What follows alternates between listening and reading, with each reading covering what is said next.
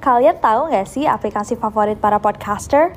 Aplikasi yang jadi kunci sukses para podcaster untuk ngerekam podcast-podcast keren mereka cuma dari smartphone, namanya Anchor. Anchor ini kalau aku bisa bilang adalah all-in-one app yang simple banget. Gak heran kalau para podcaster bilang bahwa aplikasi inilah kunci kesuksesan dari podcast-podcast mereka. Di Anchor, kalian gak cuma ngerekam suara, tapi juga bisa ngedit.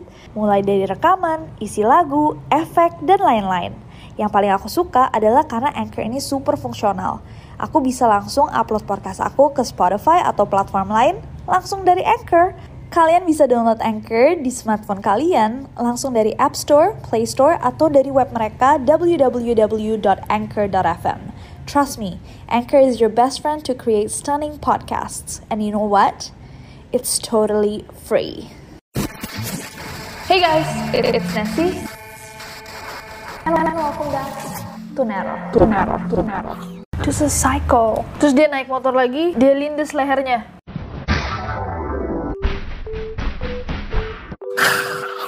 Hey guys, it's Nessie and welcome back to Neror. Neror kali ini jatuh pada minggu Valentine's. So it's only appropriate to talk about murders caused by love. Right, Nerores? Cinta adalah sesuatu yang sangat-sangat powerful. Cinta bisa mendatangkan kebahagiaan bagi orang-orang yang merasakannya. Namun, di sisi lain, cinta juga bisa membuat orang melakukan hal-hal yang sangat nekat, gila, bahkan sampai harus mengorbankan nyawa. Sudah ada banyak banget kasus kriminal yang terjadi dan dilakukan oleh orang-orang yang buta karena cinta. Dan sebagai akibatnya, mereka harus menghabiskan sisa hidup mereka mendekam di dalam penjara. So, malam ini di Neror kita akan melihat dan membahas beberapa kasus-kasus pembunuhan paling mengerikan yang terjadi karena cinta. So, without any further ado, stop senyum-senyum, cause shit's about to go. So kalau kita ngomongin kasus-kasus pembunuhan di Indonesia yang terjadi karena cinta, kasus yang satu ini pasti akan masuk dalam daftar siapa pun.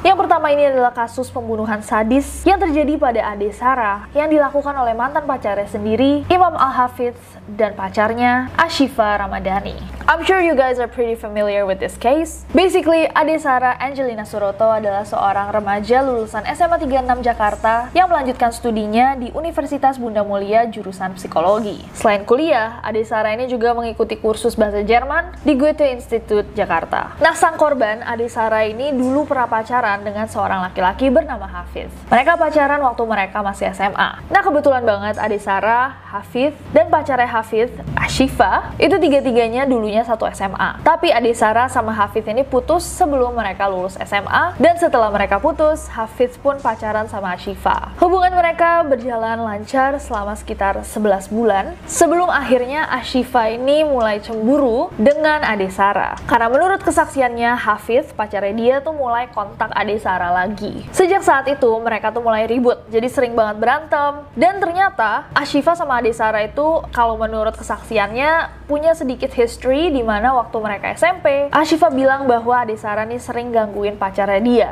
Nah, menurut artikel yang ditulis oleh Liputan 6, untuk menenangkan amarahnya Ashifa, akhirnya Hafiz meminta mereka bertiga untuk bertemu kembali. Jadi, semacam mediasi. Dipilihlah waktu les Sarah di kawasan Menteng. Tapi ada cerita yang berbeda dari kompas.com yang menceritakan kalau dalam versi ini bahwa Ashifah lah yang membujuk Ade Sarah untuk ikut masuk ke dalam mobil Hafiz dengan alasan bahwa dia waktu itu tuh berantem sama Hafiz. Ade Sarah being the good friend that she is, dia mencoba untuk memediasi pasangan yang sedang ribut ini, akhirnya masuk ke mobilnya Hafiz. Pas Ade Sarah masuk ke mobil, mereka ini berdua sempat bersandiwara pura-pura berantem katanya sampai mereka menangis untuk meyakinkan Ade Sarah bahwa mereka benar-benar lagi ribut. Sebelum akhirnya keduanya menyiksa Ade Sarah mulai dari menjambak, memukul, mencekik, menelanjanginya setengah badan dan menyetrumnya hingga pingsan. Ade Sarah sempat mencoba melawan tapi tentunya dia kalah tenaga dan dalam keadaan pingsan Ashifa ini menyumpal mulutnya Ade Sarah dengan kertas koran. Potongan kertas koran dan tisu itu akhirnya menyumbat tenggorokannya Desara hingga akhirnya dia kehabisan napas dan meninggal dunia. Hafiz dan Ashifa pun membuang jasadnya Desara ke ruas Jor Tol Bintara KM41, Bekasi Timur. Ashifa dan Hafiz akhirnya dijatuhkan hukuman seumur hidup. Kasus yang satu ini sebenarnya cukup kompleks karena banyak banget alternate stories, jadi kayak cerita-cerita alternatif yang berbeda-beda, versinya beda-beda dan sangat ruwet. Yang mungkin seru untuk dibahas di satu video sendiri.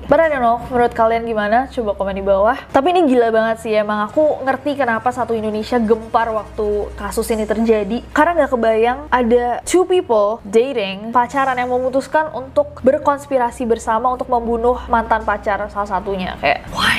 Why? That's so crazy. Gimana menurut kalian kasus yang satu ini? Coba komen di bawah. Next. Next ada kasus cinta segitiga. Yes, kasus ini adalah kasus yang berawal dari cinta segitiga antara Daria umur 25 tahun, Natim umur 36 tahun, dan Sain 36 tahun juga. Ironisnya, tiga orang ini, tiga-tiganya sudah berkeluarga sendiri-sendiri. Yes, Daria punya keluarga sendiri, Natim punya keluarga sendiri, dan Sain juga punya keluarga sendiri. Yet somehow they're caught in a love triangle. Jadi semua ini dimulai ketika seorang wanita bernama Daria itu berselingkuh sama dua laki-laki sekaligus. Kalau kalian berpikir bahwa oh gila itu udah itu udah messy banget, nope, belum. Konfliknya dimulai ketika Sain, salah satu selingkuhannya, itu mengunggah screenshot percakapannya bersama Daria ke sosial media. Percakapan ini berisikan perselingkuhan mereka. Tak hanya diupload ke sosmed, si Sain ini juga mengancam akan mengadukan perselingkuhan ini kepada suaminya Daria. Dia ngancemnya kayak, saya akan bilang sama suami kamu, unless, kecuali kamu kasih saya uang 3.500.000 rupiah. Nah dari ya yang nggak punya uang, akhirnya bilang kayak oke okay, tapi saya cuma punya 500 ribu, ini ambil aja 500 ribu. Nah merasa di blackmail, akhirnya Daria ini memutuskan untuk cerita, curhat sama pacar yang satu lagi, selingkuhan yang satu lagi, si Natim. Dari situ dua-duanya berkonspirasi merencanakan pembunuhannya Sain. Si Natim bahkan sampai minta bantuan dari dua teman lainnya untuk melakukan aksi ini. Pada hari H, Daria menjemput korban. Wow, dia yang jemput Sain dengan sepeda motornya, lalu mengajak mengajaknya ke sebuah rumah di satu perumahan gitu. Ternyata di sana udah ada Natim dan dua temannya menunggu. Tanpa basa-basi, Natim langsung menganiaya Sain dibantu dua temannya tadi. Sain dibacok dengan senjata tajam sampai akhirnya dia meninggal dunia di tempat. Nah, warga sekitar itu sempat melihat ada mobil dengan kecepatan tinggi melaju dari lokasi kejadian. Tak lama kemudian, polisi mendapat laporan penemuan mayat dan penyelidikan pun dimulai. Dan dari informasi-informasi yang diberikan warga, tak sulit untuk polisi menemukan sang pelaku. Akhirnya kasus pembunuhan ini terungkap dan polisi pun meringkus Natim di Kabupaten Bandung Barat sementara Daria dan temannya Natim diringkus di wilayah Cilengsi Kabupaten Bogor. Wah di sini deket banget. Akibat perbuatannya para tersangka diancam dengan hukuman mati dengan pasal 338 KUHP Subsider 340 KUHP dan 170 KUHP. Wow, that is insane. Yang aku pertanyakan tuh gimana perasaan atau kayak reaksi dari suaminya Daria begitu mengetahui bahwa throughout all this selama hal ini semua terjadi, suaminya mungkin kayak ngira istrinya baik-baik aja di rumah ngurus anak atau bekerja without knowing that all of these are happening. Kayak istrinya selingkuh gak cuma sama satu orang, tapi dia selingkuh sama satu orang yang dibunuh oleh dia dan selingkuh selingkuhan lainnya dan teman-temannya. Semoga diberi ketenangan dan ketabahan ya Pak ya. Kayak korban terbesarnya nih sebenarnya Mister Daria. Gimana menurut kalian kasus yang satu ini? Coba komen di bawah. Next. Next adalah kasus cinta yang tak direstui. Tragedi yang satu ini terjadi di desa Seilimbat, Selesai, Langkat, Sumatera Utara. Baik yang merasa bahwa kasus yang satu ini mirip banget sama Romeo and Juliet versi Indonesia. Pasalnya, pada 27 Desember tahun 2013, seorang kakek enam cucu berusia 53 tahun bernama Edi Gunawan itu memutuskan untuk menghabisi nyawa pacarnya sendiri, Suryani yang berumur 47 tahun, sebelum akhirnya mencoba untuk membunuh dirinya dirinya sendiri. Oh, I get it, like the Romeo and Juliet thing. Oke. Okay. Jadi suatu Jumat, Edi itu datang ke rumahnya Suryani untuk sekedar menemuinya, menemui sang kekasih. Tapi karena ternyata hubungan mereka ini tidak direstui oleh keluarganya Suryani, Edi ini nggak diizinin untuk ketemu sang kekasih. Emosi Edi meledak di teras rumah dan Edi yang kalap lalu mengeluarkan golok yang dia sudah bawa dari tadi ternyata dan dia langsung menusuk Suryani di bagian perut dan pinggang dengan goloknya yang besar. Nah tentunya Suryani langsung jatuh ke lantai dan bersimbah darah. Setelah menikam pacarnya, Edi pun mencoba untuk membunuh dirinya sendiri dengan menusukkan golok yang sama ke perutnya sendiri. Melihat kejadian itu, anaknya Suryani, Apin, langsung berteriak minta tolong. Keluarga sempat berupaya untuk membawa Suryani ke rumah sakit terdekat, namun Suryani menghembuskan napas terakhirnya di dalam perjalanan. Sementara itu, Edi yang pada saat itu jatuh kritis itu masih bisa dilarikan dan akhirnya dirawat di rumah sakit. Polisi masih menyelidiki tentang peristiwa ini, namun berdasarkan informasi sementara, motifnya adalah permasalahan cinta yang tidak direstui. Polisi juga mengamankan sejumlah barang bukti dari lokasi kejadian berupa surat cinta, dua HP, serta dompetnya Edi. Karena perbuatannya itu, Edi dikenakan pasal 351 KUHP karena melakukan penganiayaan yang menyebabkan hilangnya nyawa orang lain. Eh hey guys, aku mau sedikit sharing sih seputar aplikasi keren yang aku gunain buat bikin podcast. Aplikasi ini tuh bisa di-download di App Store atau di Play Store, and it's totally free. Gak cuma buat ngerekam aja, Anchor juga bisa buat ngedit langsung rekaman kalian. Kita bisa langsung nambahin back sound, effects, tambah lagu, bahkan Anchor juga bisa mendistribusikan podcast kita ke berbagai platform lainnya. Kayak aku nih, biasanya aku langsung upload podcast aku ke Spotify langsung dari Anchor. Jadi di mana pun aku berada, aku bisa buat podcast aku kapan pun dan di mana pun aku mau. Karena dia super gampang, aku jadi suka banget nih sama Anchor ini. Daripada kalian kepo, mendingan kalian langsung coba aja buat podcast sendiri pakai Anchor. It's super simple and free. Kakek enam cucu ini juga terancam hukuman di atas 5 tahun penjara.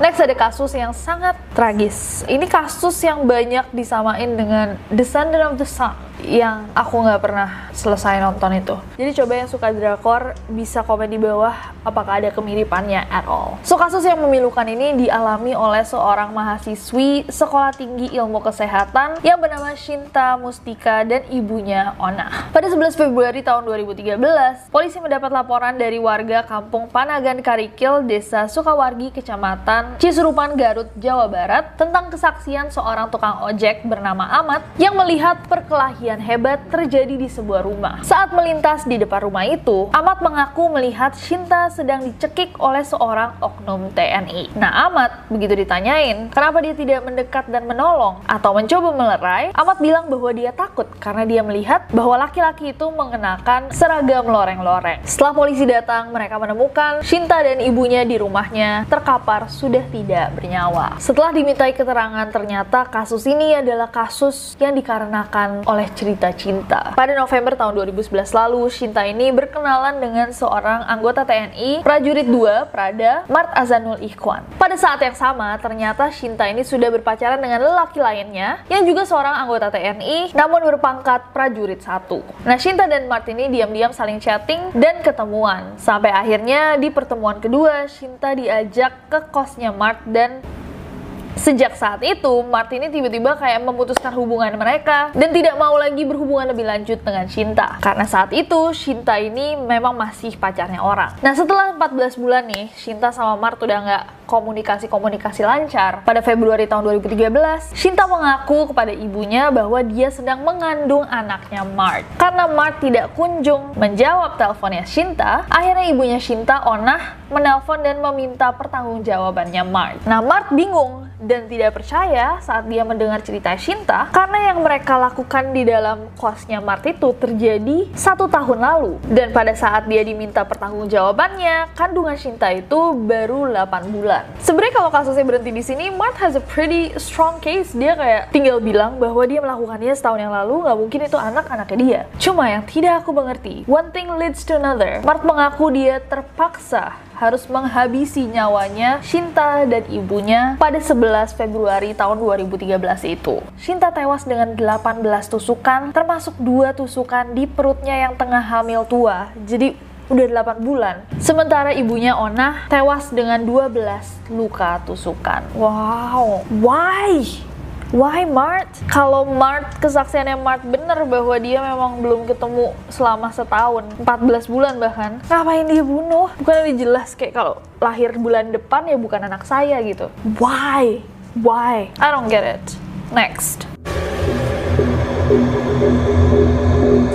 Kasus yang satu ini dialami oleh seorang wanita berusia 24 tahun yang bernama Erniati yang meninggal di tangan pacarnya sendiri, Andreas yang berusia 36 tahun. Jadi Andreas ini adalah seorang supir asal Pontianak yang sudah cukup lama menjalin hubungan dengan Erniati. Nah, Erniati memang diketahui sering jalan dengan teman-teman laki-lakinya dan hal itu membuat Andreas cemburu berat hingga hal ini sering banget bikin mereka berantem, cekcok. Nah, suatu malam pada tanggal 20 April tahun 2014, Andreas dengan sengaja mengajak Erniati untuk berjalan-jalan menggunakan sepeda motornya. Di tengah jalan, keduanya mulai berantem lagi karena Erniati ini menagih uang dan cincinnya yang dipinjam oleh Andreas. Gak terima dengan hal itu, Andreas yang sudah marah karena cemburu jadi tambah ngamuk. Akhirnya ketika mereka sampai di jalanan yang cukup sepi, Andreas menjatuhkan Erniati dari motornya dan gak sampai situ aja, Andreas juga membentuk membentur-benturkan kepalanya Erniati ke aspal dan melindas lehernya dengan sepeda motor sebanyak tujuh kali.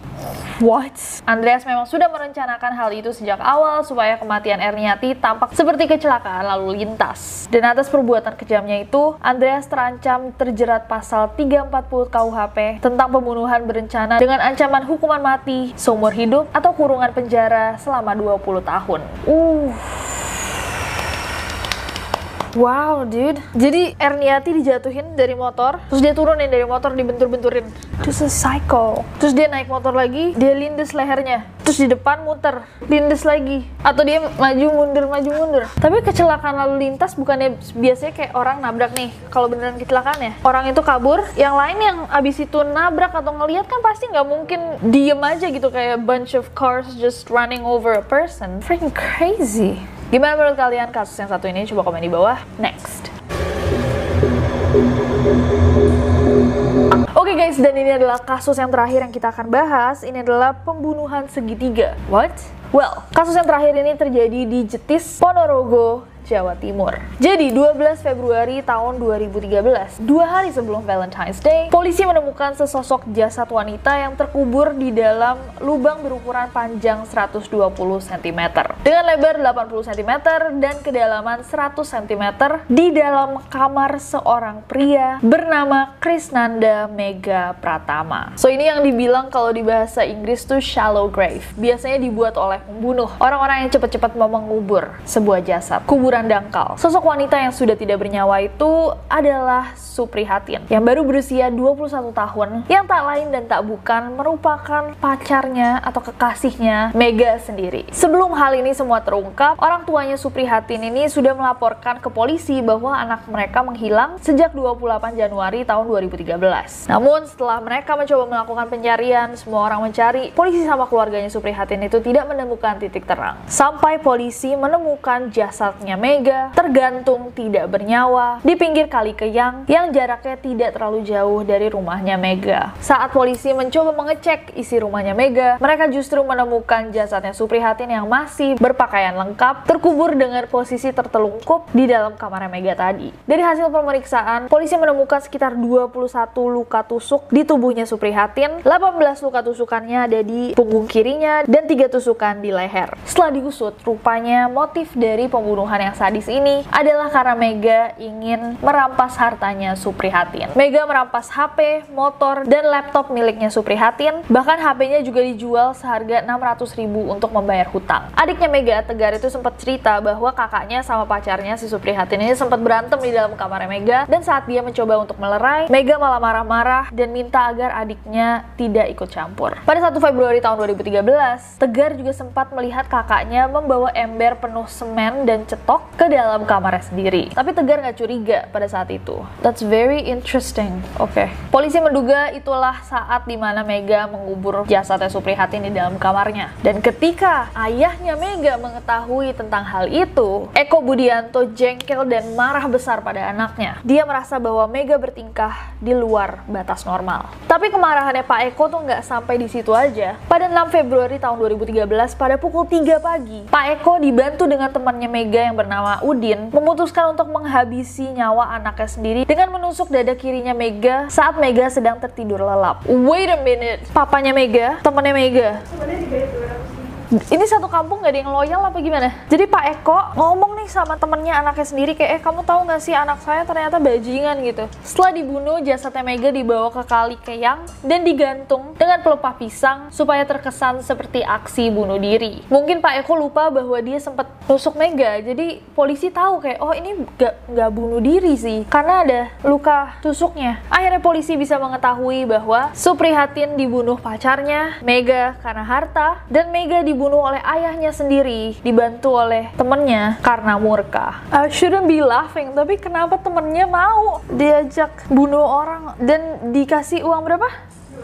200 ribu.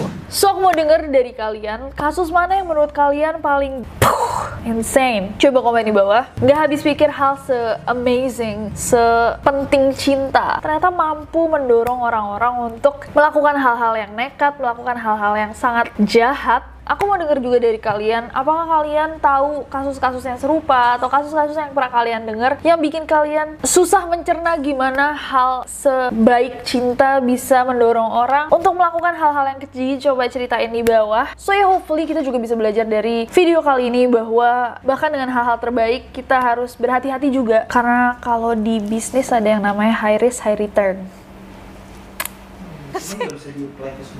Tapi resikonya tinggi untuk mencintai, kamu bisa tersakiti. Iya. Yeah. Atis. Tapi hati-hatilah bahkan dengan orang-orang yang menurut kita paling mencintai kita atau paling menyayangi kita kadang-kadang you don't really know who to trust except for yourself. But other than that, I hope that you guys enjoyed this video. Kalau misalkan kalian suka videonya, klik like-nya, follow aku di Instagram dan Twitter gampang banget. Nesi Jajaja dan subscribe ke channel ini juga nyalain notification ya biar kalian tahu kalau misalkan aku upload video baru. Karena aku gak sabar buat ketemu kalian lagi. Bye bye. Happy Valentine's soon.